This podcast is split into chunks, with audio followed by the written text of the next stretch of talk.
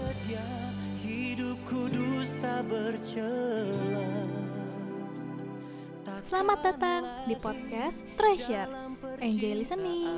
dunia Ajarku berpikir seperti dirimu Bawaku Tuhan dalam perjuanganmu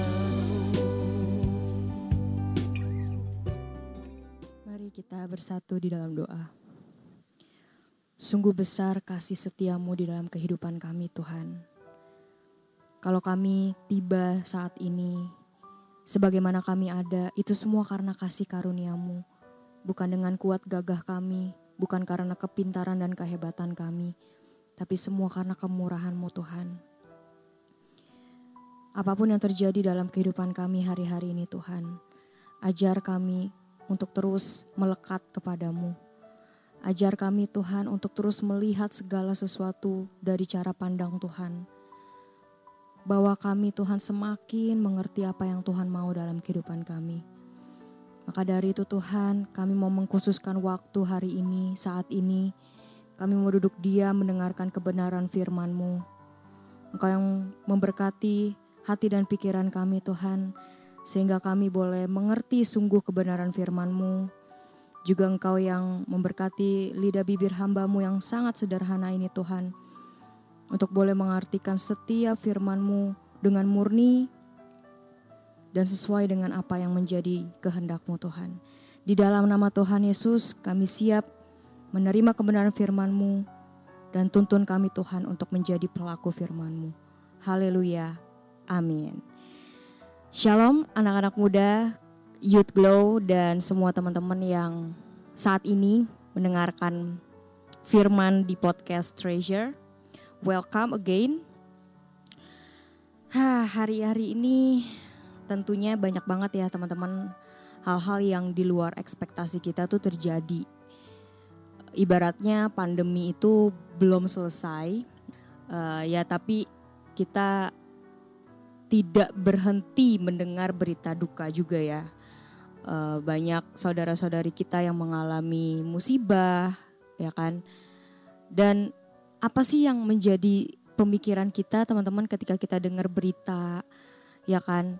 Ada bencana alam, banyak sekali hal-hal yang benar-benar mengagetkan sebenarnya. Apa yang menjadi pemikiran kita? Saya pribadi berpikir gini teman-teman ada nggak sih ya orang yang tahu kapan hari terakhirnya hidup? Kita pun nggak ada yang tahu kapan kapan hari terakhir kita ada di dunia ini, ya kan? Tapi seakan kita tuh hidup kayaknya punya banyak waktu banget gitu. Ya kita punya banyak perencanaan dan kita pede banget bahwa kita akan mencapai perencanaan itu. Padahal kita nggak tahu kita berapa lama lagi ada di dunia ini gitu.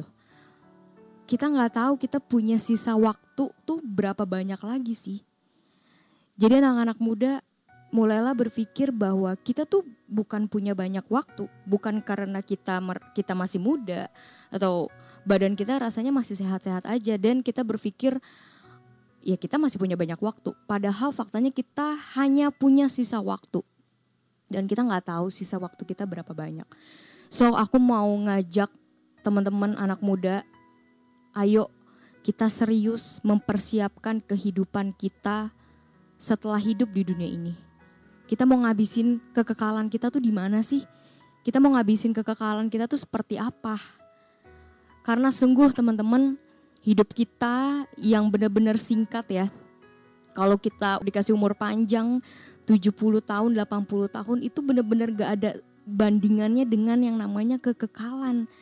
Teman-teman tahu kekekalan itu selama-lama lama-lama lamanya nggak habis-habis gitu.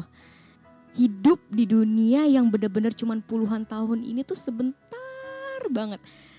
Dan kalau kita sampai detik ini ya masih fokusin pikiran kita ke hal-hal yang lahiriah, hal-hal yang jasmani, hal-hal yang sementara. Come on, we are not fine. Kita nggak baik-baik aja teman-teman. Jangan pernah berpikir bahwa yang penting gue setia ibadah, gue udah ambil pelayanan, gue udah mendukung pelayanan misi, tapi kita masih interestnya tuh banyak kan sama hal-hal dunia. Kita banyak ngabisin waktu sebenarnya buat kesenangan kita sendiri. Itu bukan keadaan yang baik-baik saja teman-teman. Kita harusnya gentar.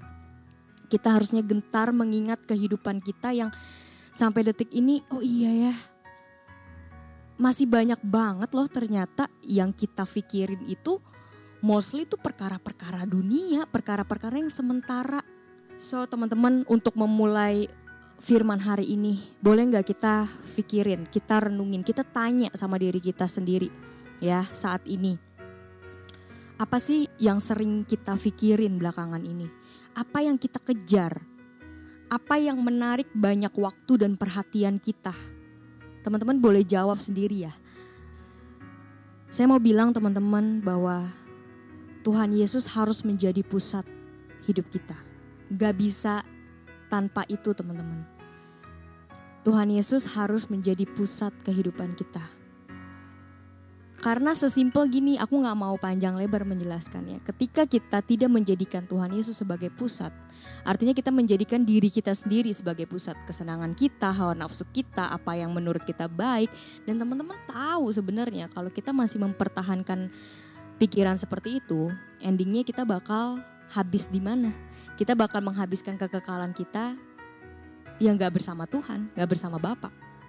Jadi berangkat dari pemikiran itu teman-teman, ayo kita mulai untuk menjadikan Yesus sebagai pusat dari kehidupan kita. Kita buka di Kolose 3 ayat 1 sampai 2. Karena itu, kalau kamu dibangkitkan bersama dengan Kristus, carilah perkara yang di atas, di mana Kristus ada, duduk di sebelah kanan Allah. Pikirkanlah perkara yang di atas, bukan yang di bumi. Saya bacain uh, versi TSI-nya. Seperti yang sudah saya katakan tadi, kita menganggap diri kita bersatu dengan tubuh Kristus waktu dia hidup kembali dari kematian dan naik ke surga. Oleh karena itu mari kita berpikir seperti ini. Saya hanya merindukan surga saja di mana Kristus Yesus duduk di sebelah kanan Allah. Jadi biarlah hati dan pikiran kita tertuju ke surga, jangan ke dunia ini. Jelas banget teman-teman. Carilah dan pikirkanlah perkara di atas. Teman-teman tolong uh, masukkan uh, statement firman Tuhan ini, carilah dan pikirkanlah perkara yang di atas. Karena kita akan bahas banyak tentang ini. Artinya apa sih teman-teman ya? Mungkin kita sering kali dengar tapi bingung apa sih maksudnya perkara di atas. Cari, pikirin tuh maksudnya gimana gitu ya. Artinya adalah memandang kehidupan dari sudut pandang Allah dan mencari apa yang Allah kehendaki. Saya ulangi lagi, memandang kehidupan dari sudut pandang Allah dan mencari apa yang Allah kehendaki. Artinya kita selalu mengarahkan hati kita sama perkara atau kepentingan kerajaan Allah ya.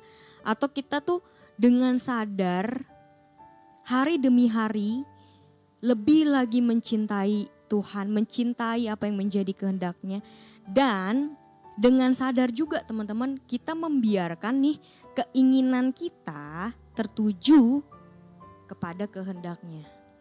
Oke kita mau bahas langsung aja deh uh, jump straight to the point ya kan. Gimana prakteknya di dalam kehidupan sehari-hari. Karena saya pribadi ketika baca ayat ini, saya nanya sendiri gitu, maksudnya gimana gue mau memikirkan perkara yang di atas sedangkan gue tuh masih hidup di bumi gitu loh. Gue masih harus kerja, gue masih harus berhubungan sama orang lain. Ya itu semua tentang duniawi gitu loh. Ya gak sih? Itu itu pertanyaanku dan makanya hmm, ayo kita bahas sama-sama gimana prakteknya tadi ya, gimana prakteknya mengarahkan hati kita kepada kehendak Tuhan. Gimana prakteknya ngebiarin keinginan kita tertuju sama kehendak Tuhan. Kita harus cari tahu apa yang harus kita lakuin nih dalam kehidupan kita sehari-hari, oke? Okay? Nah, ini adalah dua hal penting dan menurut saya um, ini adalah major things ya dalam hidup kita. Bisa dibilang hidup kita ini mostly isinya ya tentang dua ini. Ya, yaitu pleasure and pain. Pleasure and pain. Kita akan bahas satu persatu ya teman-teman. Yang pertama adalah pleasure, artinya kesenangan. Kita semua tahu ya, everyone wants to be happy. Kalau boleh jujur, semua orang tuh maunya seneng, ya kan? Banyak orang yang melakukan sesuatu karena mau dapetin kesenangan dari hal yang dia kerjakan. Atau terdorong karena dia seneng. Ya pokoknya orang tuh pasti mau happy dan bahkan mencari kesenangan dalam hidupnya. Itu faktanya ya teman-teman. Dan faktanya juga saya pun e, mengalami gitu ya banyak hal di dunia ini yang mendatangkan kesenangan buat hidup saya. Contoh, saya ngumpul sama keluarga itu senang banget. Saya bisa liburan bareng keluarga atau mungkin bareng teman-teman senang, senang banget gitu ya. Apalagi ya kalau boleh jujur e, teman-teman mungkin sekolah dapat achievement bekerja dapat um, naik gaji ya kan?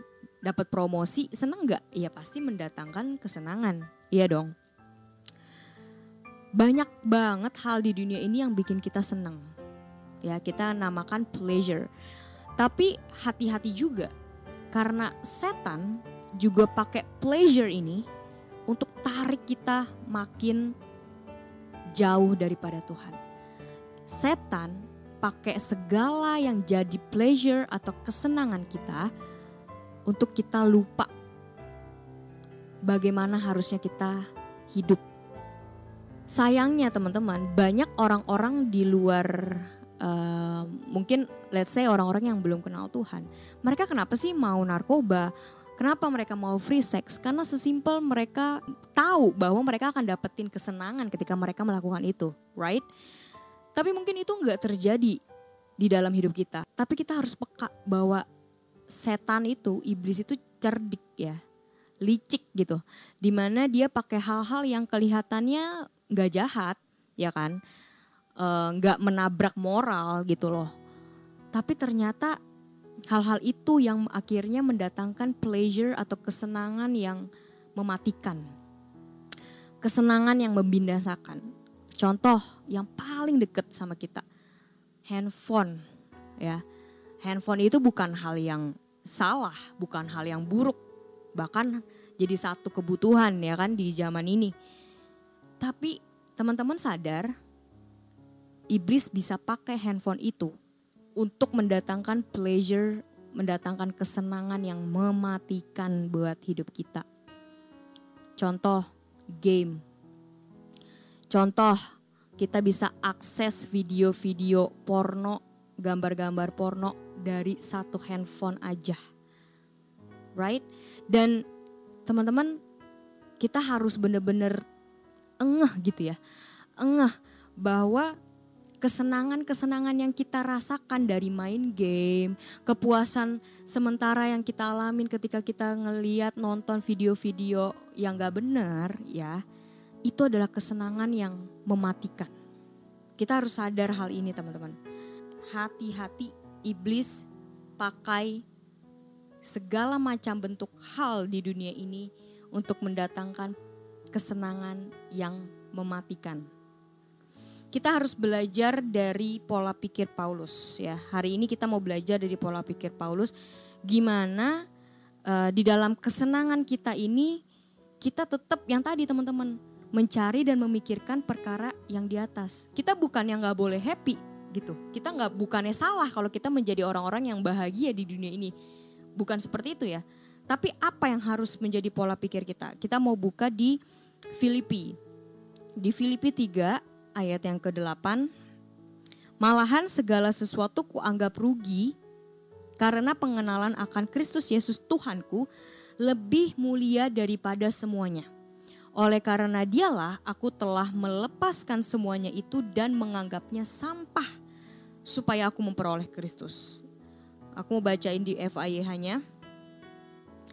Ya, segala sesuatu yang lain tidak berharga bila dibandingkan dengan besarnya keuntungan yang saya peroleh dari pengenalan akan Kristus Yesus Tuhan saya. Saya telah mengesampingkan segala sesuatu yang lain dan menganggapnya sampah supaya saya dapat memiliki Kristus. Oke, teman-teman, kita harus punya pola pikir seperti ini. Bahwa apa pun kesenangan yang kita rasakan di dunia ini, ya, mungkin kita selama ini punya kesenangan dari main game, ya kan? Kita kesenangan ketika kita belanja sampai kita nggak terkontrol ketika kita belanja mendatangkan kesenangan. Tapi boleh nggak kita punya pola pikir seperti Paulus? Di mana statement dia di Filipi 3 ayat 8 berkata, segala sesuatu aku anggap rugi. Karena pengenalan akan Kristus Yesus. Aku anggap sampah. Ini adalah sebuah ketetapan hati dan pikiran bahwa tidak ada tidak ada hal di bumi ini yang lebih berharga, yang lebih menguntungkan daripada kekekalan bersama Kristus. Saya mau ulang teman-teman karena ini penting banget kita harus harus punya pola pikir ini bahwa kita harus berketetapan di dalam hati dan pikiran kita. Tidak ada hal di bumi ini, mau itu keluarga kita, pasangan kita, pekerjaan kita, uang kita, harta kita, apa pun itu you name it. Tidak ada satupun di bumi ini yang lebih berharga dan yang lebih menguntungkan daripada kekekalan bersama Kristus. Teman-teman boleh unggul di dalam sekolah teman-teman. Teman-teman boleh menjadi teladan di dalam kantor. Tapi boleh nggak ketika teman-teman bisa dapetin itu, bisa dipercayakan itu. Teman-teman punya pemikiran seperti ini bahwa ini tidak seberharga dibandingkan Kristus. Apalagi kesenangan-kesenangan yang receh, kesenangan mungkin dari nongkrong sama temen, kesenangan dari ngerokok, kesenangan dari konsumsi-konsumsi video yang gak benar. Itu udah pasti teman-teman matikan. Tapi yang hati-hati banget adalah kesenangan dunia ini yang sering kali menggantikan kesenangan kita di dalam Tuhan. Hati-hati banget. Kita benar-benar harus dengan sadar punya pola pikir ini. Lalu dibilang di sini uh, di ayat yang sama si Paulus bilang, "Oleh karena dialah aku telah melepaskan semuanya itu dan menganggapnya sampah supaya." Di sini ada kata apa teman-teman? Supaya ya. Supaya bukan karena ya. Supaya aku memperoleh Kristus. Artinya seperti yang Tuhan Yesus katakan, bahwa ketika kamu tidak mengasihi aku lebih daripada kamu mengasihi bapakmu, mengasihi ibumu, mengasihi saudaramu, bahkan mengasihi dirimu sendiri, kamu gak layak jadi pengikutku. Tuhan Yesus bilang kayak gitu. Dan benar teman-teman, kalau kita nggak mau belajar dari sekarang ya, untuk melepaskan segalanya. Artinya tadi ya, melepaskan segalanya adalah kita tidak menganggap tidak memandang hal-hal di dunia ini lebih berharga atau lebih menguntungkan daripada kekekalan bersama Kristus. Kalau kita tidak melepaskan segalanya itu, kita sebenarnya belum memiliki Kristus dalam hidup kita. That's the fact. Dan tidak memiliki Kristus, saya mau bilang itulah kehidupan yang paling menyedihkan. Oke. Okay? Kehidupan kamu bisa dikatakan sedih, suram, itu bukan karena kamu mungkin gagal diterima di kampus yang kamu mau, bukan karena kamu fail masuk ke kantor yang kamu mau, ya. Tapi ketika kita tidak memiliki Kristus, itulah kehidupan yang paling suram. Yuk, teman-teman, anak-anak muda, dengan sadar dan dengan sengaja ingini, ingini perkara-perkara Tuhan lebih cintai dia, alami dia.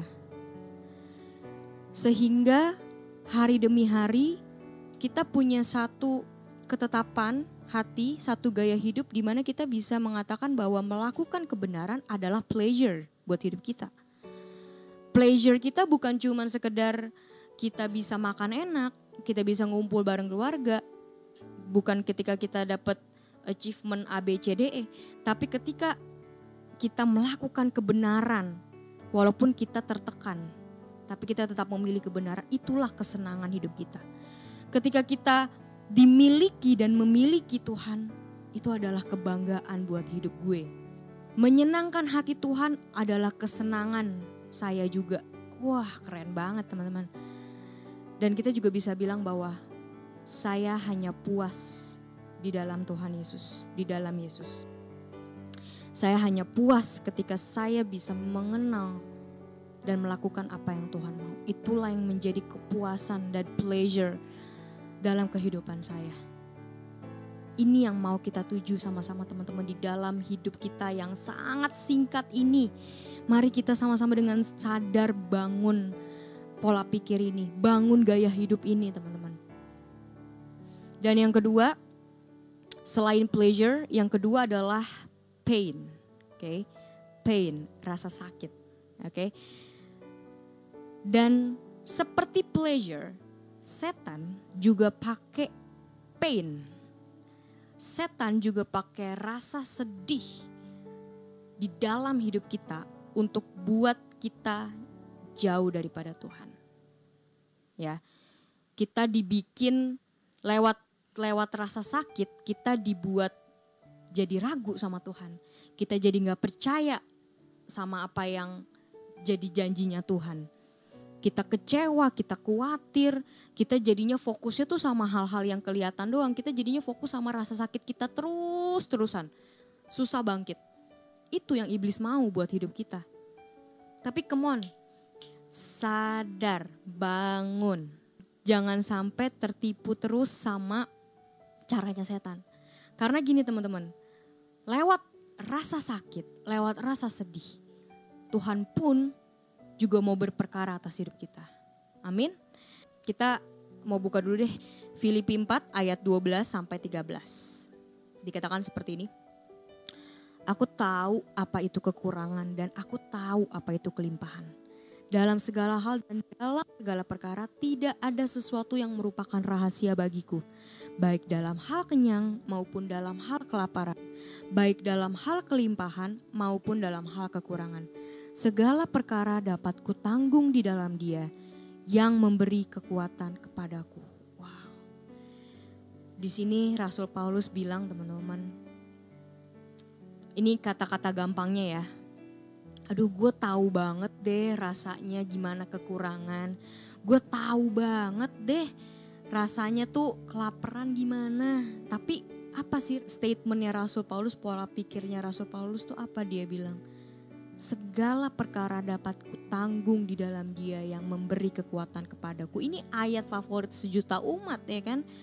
Ini paling sering ada di quote-quote, di gambar-gambar ya kan. Tapi kita ngerti gak sih bener-bener teman-teman, kita bener-bener uh, mengalaminya gak sih bahwa di tengah kekurangan kita, di tengah kehilangan kita, di tengah rasa sakit yang kita rasakan ya, kita mau tetap katakan bahwa segala sesuatu dapat kutanggung di dalam Tuhan dan dia yang memberiku kekuatan.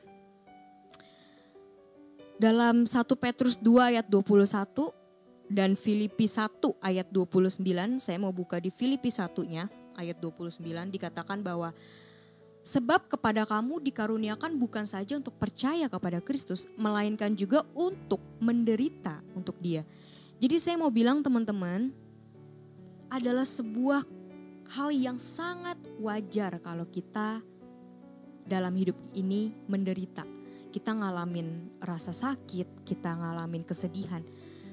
Itu hal yang wajar. Tapi masalahnya ini teman-teman. Kita harus cross check ya penderitaan kita, kesedihan kita yang kita lagi alami nih. Mungkin hari-hari ini saya nggak tahu teman-teman yang dengerin podcast hari ini gimana kondisi hatinya, saya nggak tahu. Tapi boleh nggak kita cross check kalau kita lagi kita lagi sedih, kita lagi ngerasa tertekan, sakit hati atau gimana ya? Kita cross check. Bisa jadi penderitaan kita yang kita alami saat ini ya berasal dari diri kita sendiri karena keputusan kita yang lalu akhirnya akibatnya adalah seperti ini ya. Atau yang kedua memang seizin Tuhan. Jadi jangan langsung terburu-buru kecewa sama Tuhan, akhirnya mundur dari pelayanan, akhirnya nggak mau untuk uh, saat teduh, nggak mau untuk berdoa lagi, kecewa. Padahal penderitaan yang dialami sebenarnya karena diri sendiri juga, ya kan? Tapi beda hal kalau misalkan memang seizin Tuhan. Artinya kalau seizin Tuhan itu di luar kontrol kita, teman-teman. Ya, di luar kontrol kita itu terjadi, ya. Nah, boleh nggak sih teman-teman kita melihat bahwa ketika kita diizinkan sama Tuhan untuk mengalami rasa sakit, penderitaan, rasa sedih ya, mungkin di tengah keluarga kita, ataupun mungkin kita harus kehilangan pekerjaan. Kalau memang itu seizin Tuhan, bolehkah kita berpikir bahwa ya memang dunia ini tuh kita nggak bisa harapin apa-apa kita nggak bisa mengharapkan apa-apa dari dunia ini kita nggak bisa mengharapkan kebahagiaan yang sejati dari dunia ini ya dan yang kedua boleh nggak lewat rasa sakit kita rasa sedih kita itu yang membuat kita semakin melekat sama Tuhan. Kita tahu bahwa kita nggak bisa jalanin hidup ini sendirian. Kita nggak bisa dengan kekuatan kita sendiri mengontrol, menguasai segala hal dalam hidup kita. Kita harus akui, iya Tuhan aku nggak bisa. Makanya aku butuh Tuhan. Aku butuh Tuhan karena Tuhan yang memiliki kehidupanku. Jadilah sesuai dengan apa yang Tuhan mau, bukan apa yang aku mau. Kita buka di 2 Korintus 12 ayat 10. Saya bacakan di versi FIH-nya. Karena saya tahu bahwa semua itu bagi kepentingan Kristus, maka saya tidak berkecil hati mengenai duri itu dan mengenai penghinaan, kesukaran serta penganiayaan. Sebab apabila saya lemah, saya menjadi kuat. Makin sedikit yang saya miliki, makin banyak saya menggantungkan diri kepadanya. Amin. Wow, ini powerful banget teman-teman. Dibilang kalau memang itu bagi kepentingan Kristus, artinya ini yang membangun kerohanian saya, saya rela kalau saya harus mengalami kesedihan, saya rela kalau harus mengalami penderitaan. Karena dibilang di, di ayat ini ya, apabila saya lemah saya menjadi kuat. Makin sedikit yang saya miliki, makin banyak saya menggantungkan diri kepadanya. Kita mau nggak punya pola pikir yang seperti ini teman-teman? Di dalam rasa hari-hari ini, mungkin teman-teman ada yang mengalami kekurangan secara fisik atau apa pun. Kiranya segala hal yang terjadi dalam hidup kita membawa kita semakin menggantungkan hidup kita sama Tuhan. Membawa kita semakin mempersiapkan kekekalan kita. Ya. Jadi jangan ngotot untuk mau ini mau itu harus terjadi selama gue hidup di dunia ini. Buat apa teman-teman sekarang? Saya tanya. Buat apa kita memperoleh seluruh hal di dunia ini kalau kita tidak memiliki Kristus dalam hidup kita? Buat apa? Saya mau tutup teman-teman satu reminder lagi bahwa ayo fokuslah, carilah dan pikirkanlah perkara di atas. Lewat apa teman-teman? Lewat dua hal yang tadi, pleasure and pain. Dalam hidup kita pasti ada pleasure, pasti ada pain. Dan di dalam pleasure itu terus arahkan kesenangan kita adalah melakukan kehendak Tuhan. Menyenangkan hati Tuhan itu yang mendatangkan kesenangan buat kita.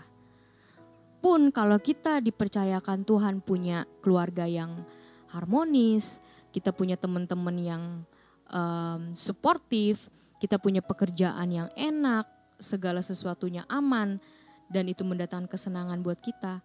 Camkan di dalam pikiran kita bahwa apa pun di dunia ini tidak seberharga, tidak lebih menguntungkan daripada kekekalan bersama Kristus. Jadi fokus kita bukan hal-hal yang dunia, tapi fokus kita adalah lewat kepercayaan Tuhan ini apa yang Tuhan mau gue lakukan. Lewat keluarga ini, apa yang mau Tuhan lakukan. Lewat keuangan atau pekerjaan atau sekolah yang cukup berjalan lancar ini, apa yang harus aku lakukan untuk memuliakan Tuhan. Dan through pain juga, lewat rasa sakit juga, kita mau terus mendeladani karakter Kristus di tengah penderitaan kita. Ya, teman-teman tahu Tuhan Yesus nggak pernah ada di situasi yang nyaman ya dalam hidupnya dia. Bisa dibilang banyak kekurangannya gitu, banyak kurangnya. Tapi kita mau lihat, kita mau meneladani Kristus ya. Eh, Tuhan Yesus tetap fokus menjalankan kehendak Bapa walaupun secara lahir ya, secara fisik kalau mau mengeluh dia bisa aja mengeluh gitu. Tapi tidak. Kita harus meneladani karakter Kristus. Mungkin kita sekarang lagi diizinkan mengalami penderitaan, rasa sakit. Ya, apa yang mau Tuhan ajarin dalam hidup aku? Oke, cari kehendak Tuhan walaupun kita lagi ada masalah, lagi diterpa masalah, jangan pernah menjadikan itu alasan untuk kita mundur daripada Tuhan. Tapi justru makin cari Tuhan, makin cari apa yang menjadi kehendak Tuhan. Mari kita tutup di dalam doa. Thank you Lord, thank you Jesus. Kami mau katakan Tuhan bahwa kami rindu hari lepas hari. Kami semakin fokus mencari dan memikirkan perkara-perkara kerajaan-Mu Tuhan.